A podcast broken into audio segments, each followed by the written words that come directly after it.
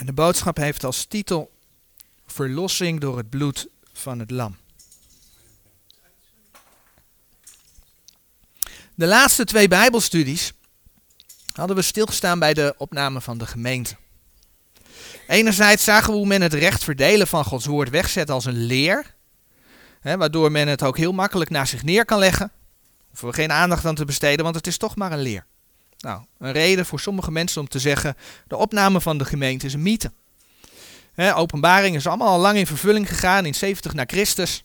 Nou, we zagen dat dat onzin is, want die dingen die in openbaring beschreven staan, die hebben helemaal nog niet plaatsgevonden op deze aarde. Dat zijn dingen die nog gaan komen. En uh, ja, wij leven voor de grote verdrukking. En als we om ons heen kijken, de tekenen der tijden, die bevestigen dat. Anderzijds zagen we dat door mensen die het woord van God wel willen verdelen. En die ook nog eens een keer geloven dat de Heer zijn gemeente komt halen. Gods woord eigenlijk alsnog in een kwaad daglicht gesteld wordt, omdat ze een jaar of een datum gaan prikken voor de opname. De Heer is zo duidelijk in zijn woord over zoveel dingen. Maar van de dag en het uur van de tweede komst en uh, daardoor ook van de opname van de gemeente, zegt hij dat we dat niet kunnen weten. En overigens, ook dat is gewoon duidelijke taal. En we zagen dat, alhoewel de menselijke geschiedenis door de Heer 7000 jaar gegeven wordt, er zoveel onduidelijk is over onze jaartelling, over de scheppingsdatum, over de jaarindeling, dat we het niet kunnen weten. En ga je dan toch rekenen, dan ben je eigenlijk in ongehoorzaamheid aan Gods woord bezig. Aan de hand van wat de schrift laat zien, weten we dat het niet lang meer duurt. Of de Heer zal zijn gemeente komen halen. Maar of dit een paar maanden is, of dit een jaar is, of zelfs nog een aantal jaren, dat kan. Dat weten wij niet. Op grond van de Bijbelse profetieën zijn al die genoemde tijden, hè, ik noemde een dag, ik noemde een jaar, ik noemde een aantal jaren, zijn nog steeds mogelijk. Kort heb ik toen de gelijkenis van de vijgenboom aangehaald. En van die vijgenboom, die gelijkenis, staat onder andere ook Matthäus 24, vers 33 geschreven. Als ook gij lieden, wanneer gij al deze dingen zult zien, zo weet dat het nabij is voor de deur. We kunnen dus weten in welke tijd we leven, al kunnen we niet berekenen wanneer exact de opname van de gemeente zal plaatsvinden. De keren daarvoor hebben we het gehad over de wedergeboorte. Over het werk van de Heilige Geest in de gelovigen. We zagen dat we door de wedergeboorte een nieuw schepsel geworden zijn. Een nieuw schepsel voor God. We zijn levend geworden voor God. We zagen dat de Heilige Geest ons verzegeld heeft tot de dag der verlossing. Hij heeft ons verzegeld, wat ook onze verzekering is, verzekering van ons geloof. Omdat de Heilige Geest het onderpand is. We zagen dat de Heilige Geest ons indoopt in het lichaam van de Heer Jezus. En dat we een geestelijke besnijdenis hebben gekregen, waardoor we geestelijk gezien ons vlees hebben uitgetrokken. Wat opnieuw een verzekering is dat onze ziel behouden is. Nou, de wedergeboorte beschrijft eigenlijk wat de Heilige Geest voor de mens doet, wanneer die mens tot geloof komt. Maar er zijn veel meer woorden die de Heilige Schrift gebruikt om te vertellen wat er met ons gebeurd is. Toen wij tot geloof gekomen zijn. Een van die woorden is dat woord verlossing. En vandaag willen we daarbij stilstaan. En een schriftgedeelte waar we onder andere over verlossing geschreven vinden is Colossense 1. En daar willen we mee beginnen dan. Colossense 1 vanaf vers 9. Colossense 1 vanaf vers 9.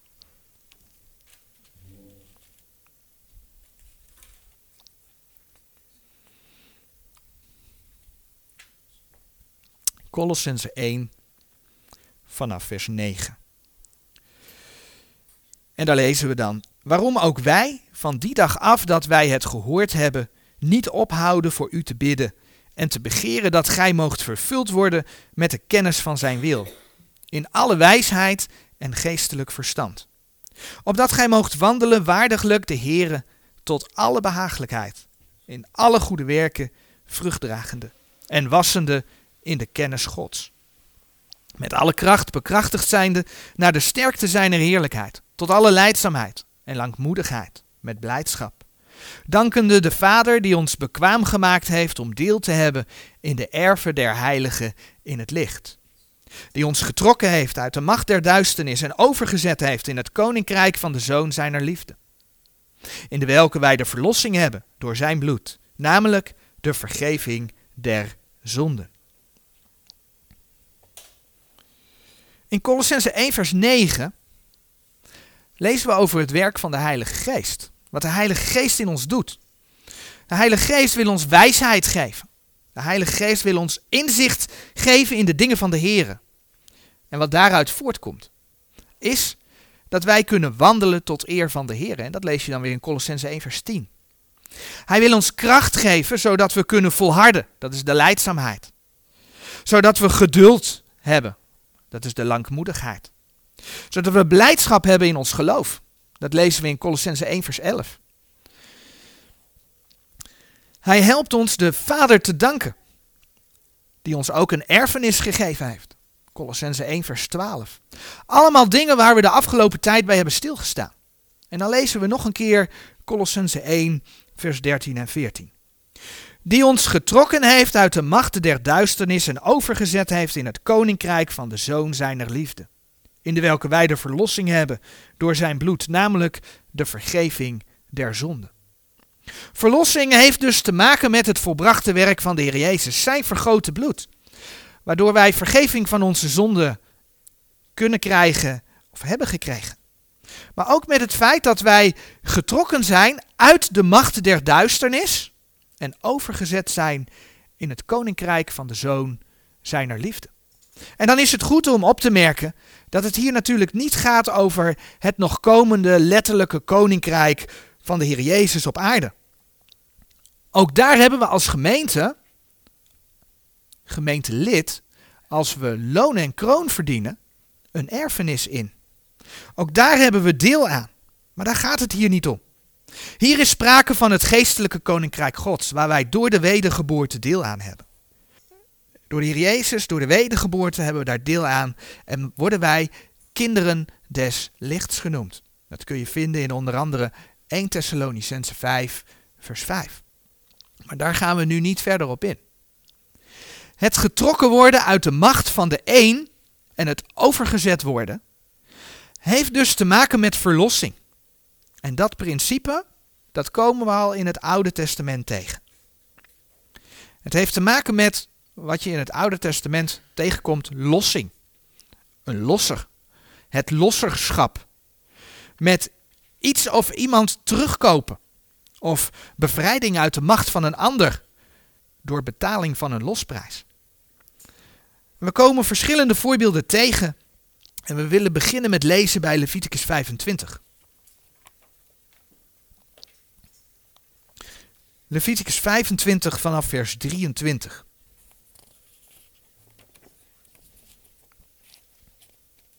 Genesis, Exodus, Leviticus.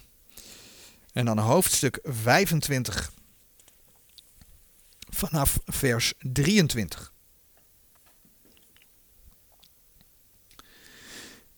En daar lezen we dan: Het land ook zal niet voor altoos verkocht worden, want het land is mijne. Terwijl gij vreemdelingen en bijwoners bij mij zijt. Daarom zult gij in het ganse land uw bezitting lossing voor het land toelaten. Wanneer uw broeder zal verarmd zijn en iets van zijn bezitting verkocht zal hebben, zo zal zijn losser, die hem een nabestaande is, komen en zal het verkochte zijns broeders lossen. En wanneer iemand geen losser zal hebben, maar zijn hand bekomen en hij gevonden zal hebben, zoveel genoeg is tot zijn lossing, dan zal hij de jaren zijner verkoping rekenen en het overschot zal hij de man wien hij het verkocht had weder uitkeren en zal weder tot zijn bezitting komen. We zien dus dat lossing inhoudt dat men iets terugkoopt dat ooit al eigendom is geweest. In het Oude Testament is dat principe dus in de wet verwerkt. De wet dat vormt de eerste vijf boeken van, van Mozes. We zien ook, sprake dat er, ook dat er sprake kan zijn van een losser. Een losser is dus iemand die iets of iemand terugkoopt. Als we in vers 48 van hetzelfde hoofdstuk doorlezen, Leviticus 25, vers 48, dan staat daar, nadat hij zich zal verkocht hebben, zal er lossing voor hem zijn. Een van zijn broederen zal hem lossen. Of zijn oom, of de zoon zijns ooms, zal hem lossen. Of die uit de naasten zijns vleeses van zijn geslacht is, zal hem lossen. Of heeft zijn hand wat bekomen, dat hij zichzelf verlossen. En hij zal met zijn koper rekenen van dat jaar af dat hij zich aan hen, hem verkocht heeft, tot het jubeljaar toe, alzo dat het geld zijner verkoping zal zijn naar het getal van de jaren. Naar de dagen eens dagloners zal het met hem zijn.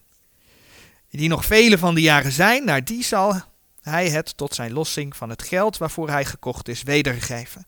En indien er nog weinige van de jaren overgebleven zijn tot aan het jubeljaar, zo zal hij met hem rekenen.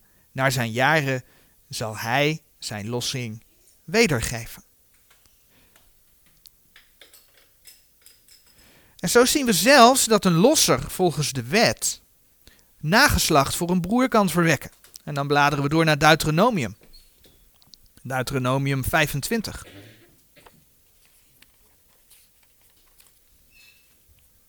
Deuteronomium 25, vers 5. Deuteronomium 25, vers 5. Wanneer broeders te samen wonen en een van hen sterft en geen zoon heeft, zo zal de vrouw des verstorvenen aan geen vreemde man daarbuiten geworden. Haars mans broeder zal tot haar ingaan en nemen haar zich ter, vrouw en doen haar de plicht van eens mans broeder. En het zal geschieden dat de eerstgeborene, dien zij zal baren, zal staan in de naam zijns broeders, des verstorvenen, opdat zijn naam niet uitgedelgd worden uit Israël. Hier zien we de basis van uit de wet. Voor hetgeen we bijvoorbeeld in de geschiedenis van Rut vinden. En ik denk dat we de geschiedenis van Rut allemaal wel kennen. In het boek Rut, daar lezen we over Naomi.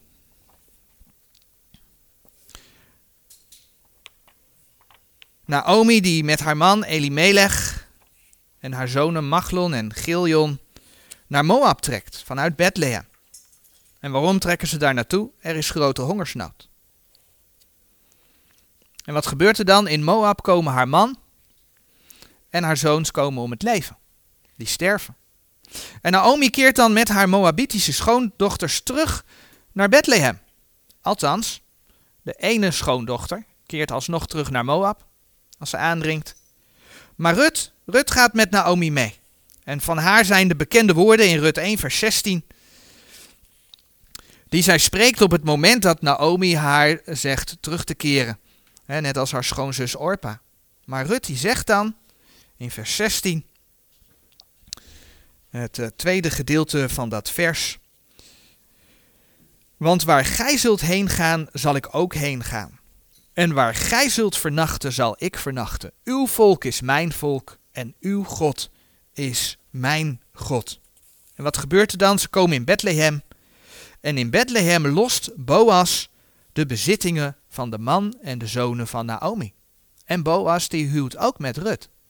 Zodat door lossing er toch nageslacht is voor Elimelech. Als je in Rut 4 kijkt, Rut 4 vers 9 en 10, dan zie je dat gebeuren.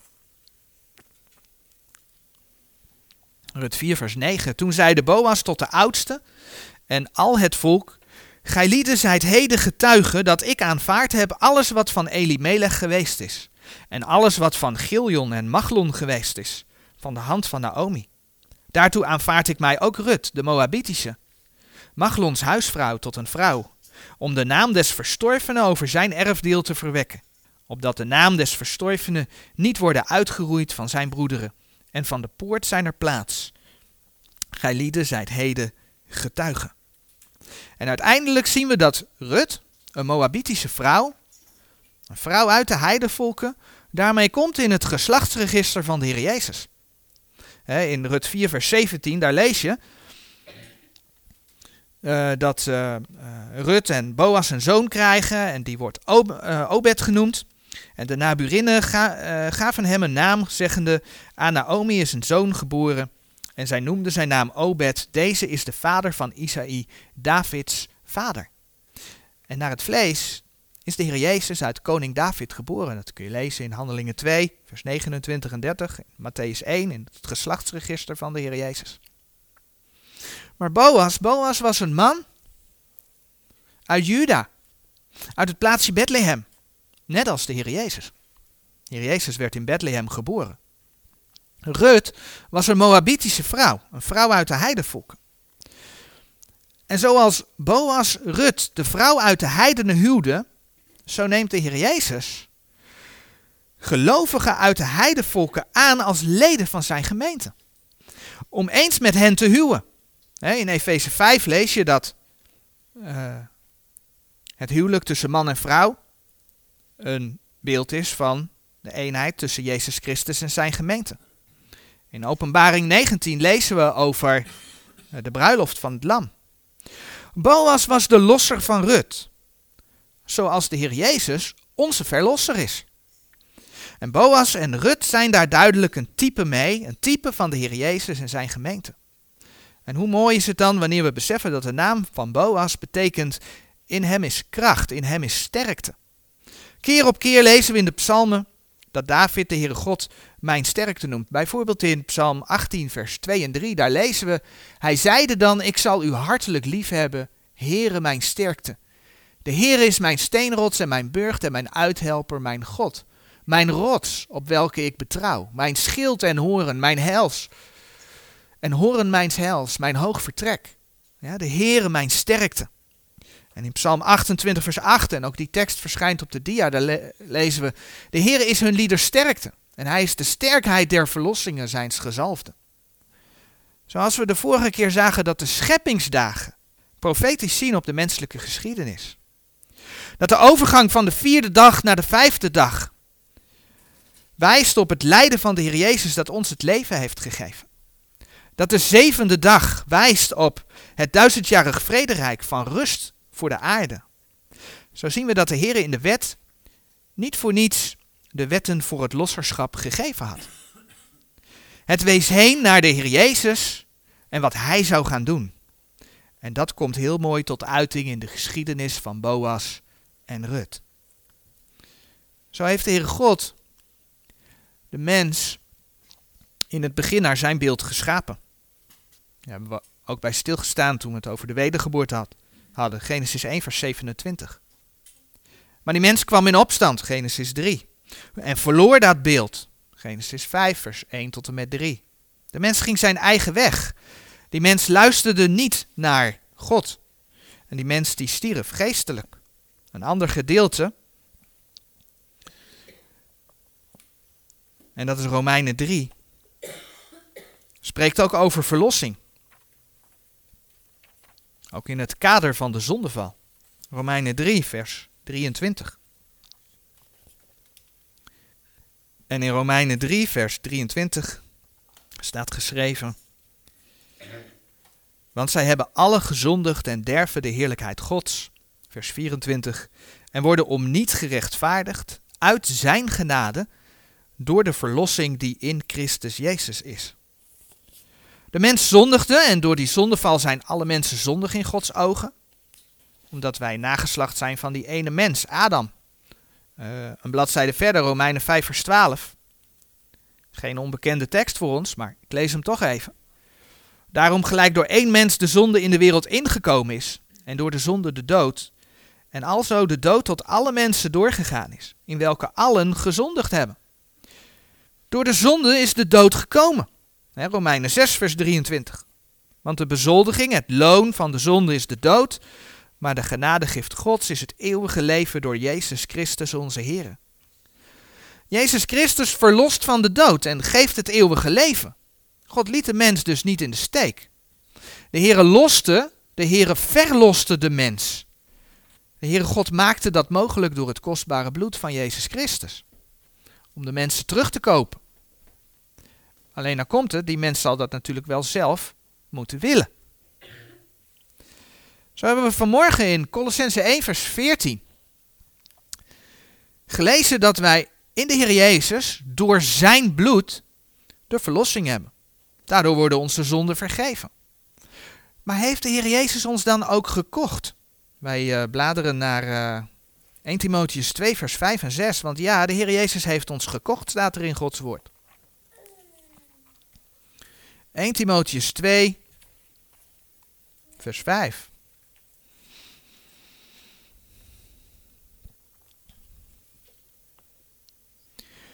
Want er is één God. Er is ook één middelaar Gods en der mensen, de mens Christus Jezus, die zichzelf gegeven heeft tot een rantsoen voor allen, zijnde de getuigenis te zijner tijd. Die zichzelf gegeven heeft tot een rantsoen, en rantsoen dat is een losprijs voor allen, zijnde de getuigenis te zijner tijd. De Heer heeft dus een losprijs betaald. Wij zijn dus gekocht. En die losprijs, dat is zijn bloed. Zoals bijvoorbeeld, en die tekst verschijnt hier op de dia, Handelingen 20 vers 28 zegt. Zo heb dan acht op uzelf en op de gehele kudde over de welke u de Heilige Geest tot opzieners gesteld heeft, zegt Paulus hier tegen, tegen de ouderlingen in Efeze, om de gemeente Gods te wijden, welke hij verkregen heeft door zijn eigen bloed. En om dat laatste gedeelte gaat het dan. Wat zie je gebeuren? Nieuwe vertalingen veranderen dat uh, gemeente Gods, die hij verkregen heeft door zijn eigen bloed, in het bloed van zijn eigen zoon. Of het bloed van zijn eigene. Maar dit vers laat zien dat het Gods bloed was dat gevloeid heeft voor ons. Want God was geopenbaard in het vlees. God heeft een lichaam gekregen, God heeft het bloed gekregen, waardoor God zijn bloed voor ons kon vergieten in Jezus Christus. Dus God heeft in zijn zoon zijn eigen bloed voor ons vergoten. En dat is de prijs die hij als losser, als verlosser voor ons betaald heeft. Of zoals de Bijbel op andere plaatsen zegt in 1 Korinthe 6 vers 20 en in 1 Korinthe 7 vers 23. Gij zijt duur gekocht. Hoe onvoorstelbaar dat in de meeste nieuwe vertalingen dat kostbare bloed van onze heiland ook verwijderd is uit Colossense 1 vers 14. Door zijn bloed vind je niet in de NBG 51, vind je niet in de NBV, vind je niet in de BGT en ook niet in een uh, herziene voorhoef. Men laat het weg. Maar in het Oude Testament was er toch al een offerdienst. Was dat niet voldoende? Kon het bloed van stieren en bokken de zonde dan niet wegnemen? Nee. De Bijbel is duidelijk, hè? Hebreeën 10 vers 4. Want het is onmogelijk dat het bloed van stieren en bokken de zonde wegnemen. Dat kon niet. Tijdelijk liet God dat zo toe, heeft God dat ingesteld om aan te tonen dat er een plaatsvervanger voor de zonde van de mensen kon sterven. En wanneer de mensen, in, in dat geval het Oude Testament, het volk Israël, berouw zouden tonen. En waarom kon het dan niet? Kan het dan niet dat stieren en bokken de zonde wegnemen? Omdat de hele schepping aan de zondeval onderhevig is. En dan komen we terug bij Romeinen. Romeinen 8. Want daar lezen we dat. In Romeinen 8, vers 19. Want het schepsel als met opgestoken hoofden verwacht de openbaring der kinderen Gods. Want het schepsel is der ijdelheid onderworpen, niet gewillig, maar om diens wil die het der ijdelheid onderworpen heeft. De schepping is onderworpen aan de zonde. En ook voor die schepping is de Heer Jezus gestorven. Toen de Heer Jezus gekruisigd werd, je leest dat in de Evangelie, onder andere in Marcus 15, vers 17, kreeg de Heer Jezus ook een doornenkroon op zijn hoofd. En dat gaat terug op de zondeval van Genesis, want in Genesis 3, ik zou zeggen, hou de hand bij Romeinen, want daar komen we zo terug. In Genesis 3, als de mens gezondigd heeft,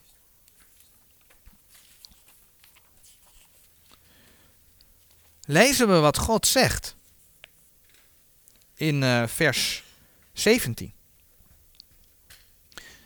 En tot Adam zeide hij, terwijl gij geluisterd hebt naar de stem uw vrouw en van die boom gegeten waarvan ik u gebood, zeggende, gij zult daarvan niet eten, zo zij het aardrijk om uwentwil vervloekt. En met smart zult gij daarvan eten al de dagen uws levens. Ook zal het u doornen en distelen voortbrengen. En gij zult het kruid des velds eten. Het zal u doornen en distelen voortbrengen. Dat hoort bij de vloek van de zondeval. En Jezus Christus droeg ook de vloek van het aardrijk. Vandaar, en dan komen we weer terug bij Romeinen, dat Romeinen 8, vers 21 en 22 ook schrijven. Op hopen dat ook het schepsel zelf zal vrijgemaakt worden van die, de dienstbaarheid der verderfenis, tot de vrijheid der heerlijkheid der kinderen Gods. Want wij weten dat het ganse schepsel tezamen zucht en tezamen als in barensnood is tot nu toe. Maar als wij gekocht zijn, van wie zijn wij dan gekocht? Van wie zijn wij dan vrijgekocht? In Colossense 1 vers 13 zagen we reeds staan, die ons getrokken heeft uit de macht der duisternis en overgezet heeft in het koninkrijk van de Zoon zijner liefde. We zagen reeds dat Gods woord laat zien dat door Adam de zonde tot alle mensen is doorgegaan en door de zonde de dood. De mens is van nature gewoon, ja, dat zegt de Bijbel, dood voor God. Dat is niet anders. Dat is zo. Genesis 5, Romeinen 5. En daarom heeft die mens die wedergeboorte nodig. Blijkbaar leeft die mens van nature onder de macht der duisternis. En Efeze. Efeze 2 bevestigt dat laat zien dat de mens van nature onder de macht der duisternis leeft, die daar ook wel de overste van de macht der lucht genoemd wordt. Efeze 2, vers 1. En u heeft hij mede levend gemaakt, daar gij dood waart, door de misdaden en de zonden. In welke gij eertijds gewandeld hebt naar de eeuw deze wereld, naar de overste van de macht der lucht, van de geest die nu werkt in de kinderen der ongehoorzaamheid. Dat is Efeze 2, vers 1 en 2. Wanneer de Heer Jezus door de fariseeën op een gegeven moment beschuldigd wordt dat hij zijn werk doet door Beelzebul, de overste van de duivelen, dan zegt hij onder andere tegen die fariseeën, tekst die komt hier op de dia, Lucas 11, vers 23, wie met mij niet is, die is tegen mij. En vandaar dat hier Jezus, en dat gaan we dan opzoeken in Johannes 8, het volgende zegt. Johannes 8, vers 34. Johannes 8, vers 34.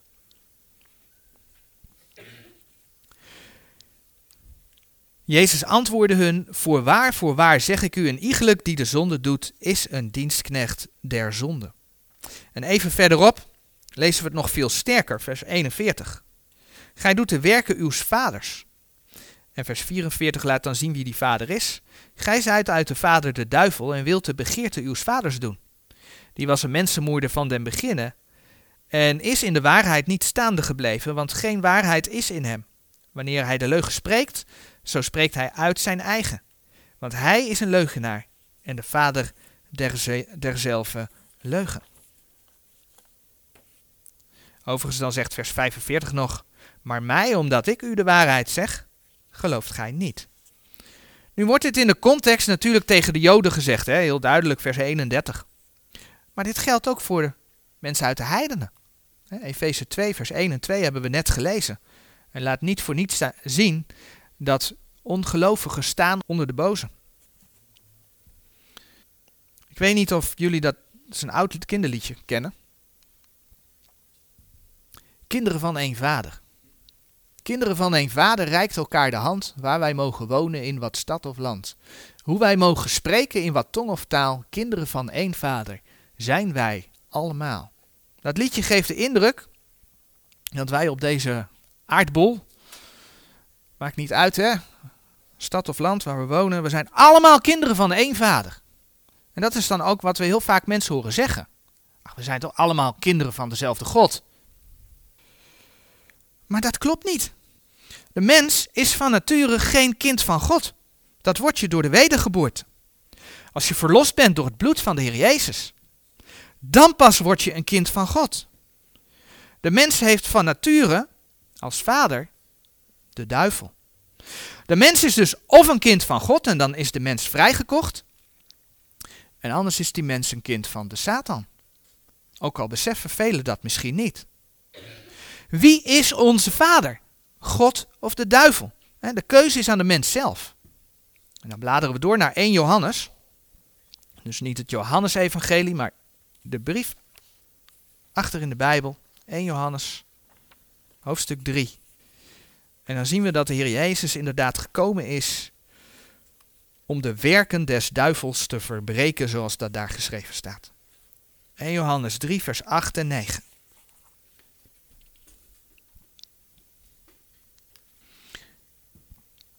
En Johannes 3, vers 8. Die de zonde doet, is uit de duivel, want de duivel zondigt van den beginnen. Hiertoe is de Zoon Gods geopenbaard, opdat hij de werken des duivels verbreken zou. Een iegelijk die uit God geboren is, die doet de zonde niet, want zijn zaad blijft in hem en hij kan niet zondigen, want hij is uit God geboren. Als je dat zo leest, kan dat een moeilijke tekst zijn. Want zondigen wij dan niet meer? Paulus die laat notabene die strijd zien waar we het wel eens over hebben gehad in Romeinen 7, de strijd met zijn vlees. En dat in zijn vlees geen goed woont. Maar daar ligt ook het geheim, want 1 Johannes 3 vers 9 spreekt over het feit, zijn zaad blijft in hem. En om dan op een tekst, die we ook met het onderwerp de wedergeboorte besproken hebben, terug te komen, 2 Korinthe 5 vers 17. Die in Christus is, is een nieuw schepsel. Het oude is voorbij gegaan, het is alles nieuw geworden. Door het onvergankelijke zaad, hè, 1 eh, Petrus 1 vers 23, zijn wij wederom geboren en in Christus ziet de Vader ons gerechtvaardigd aan. Onze nieuwe mens zondigt niet. Het is onze oude mens die in ons vlees aanwezig is, waardoor continu die strijd is. Die zondigt. De Heer Jezus is gekomen om de werken des duivels te verbreken. Daarom moest Jezus Christus zijn bloed vergieten. Hij heeft ons verlost uit de klauwen van de Satan, de slang, de draak, die rondgaat als een briesende leeuw, verschijnt als een engel des lichts. En daarom zegt Colossense 1 vers 13, die ons getrokken heeft uit de macht der duisternis. En overgezet heeft in, de, in het koninkrijk van de Zoon zijner liefde. Hij heeft ons vrijgekocht. We zijn verlost, als we hem hebben aangenomen. En heel mooi komt dat alles tot uiting in wat Paulus aan koning Agrippa vertelt. Paulus vertelde dat de Heer hem als getuige stelde om onder andere, en dan staat er in Handelingen 26 vers 18 het volgende, komt op de dia, om hun ogen te openen en hen te bekeren van de duisternis tot het licht.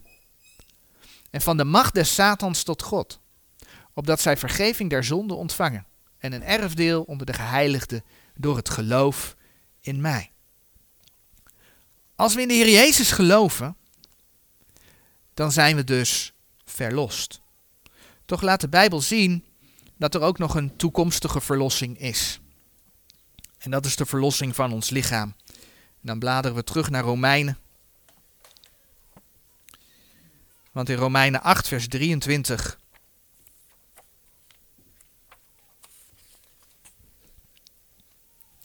Romeinen 8, vers 23, daar lezen we het volgende. En niet alleen dit, maar ook wij zelf, die de eerstelingen des geestes hebben, wij ook zelf, zeg ik, zuchten in onszelf, verwachtende de aanneming tot kinderen, namelijk de verlossing onzes lichaams.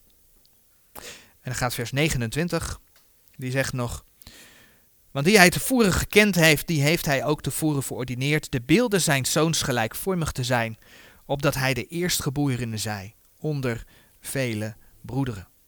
Wanneer zijn we de Heer Jezus gelijkvormig? Dat zal zijn als de Heer ons komt halen. Een opname van de gemeente. Filippenzen 3, vers 20 en 21, die spreekt daar ook over. Filippenzen 3, vers 20. Maar onze wandel is in de hemelen waaruit wij ook de zaligmaker verwachten, namelijk de Heer Jezus Christus die ons vernederd lichaam veranderen zal, opdat het zelf gelijkvormig worden aan zijn heerlijk lichaam.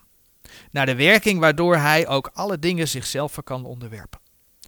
Maar onze wandel is in de hemelen, waaruit wij ook de zaligmaker verwachten. Wij verwachten dat de Heer uit de hemel komt, dat hij ons komt halen, dat we hem tegemoet zullen gaan. En dan zullen we hem gelijk worden. We zullen de Heer tegemoet gaan, hè? 1 Thessalonicense 4, vers 16 en 17. We zullen veranderd worden in een punt des tijds. 1 Korinthe 15, vers 52. We zullen hem gelijk zijn, hebben we net gelezen. En tot die dag heeft hij ons verzegeld met zijn geest. Efeze 4, vers 30. En bedroeft de Heilige Geest Gods niet, door welke gij verzegeld zijt tot de dag der verlossing. Dat is onder andere onze verzekering daarvan. En in die tekst, daar wordt die dag de dag der verlossing genoemd. Niet omdat wij nog niet zeker zijn van ons behoud, in de Heer Jezus zijn we dat zeker, maar omdat ook ons lichaam verlost zal zijn. Tot zover voor vandaag.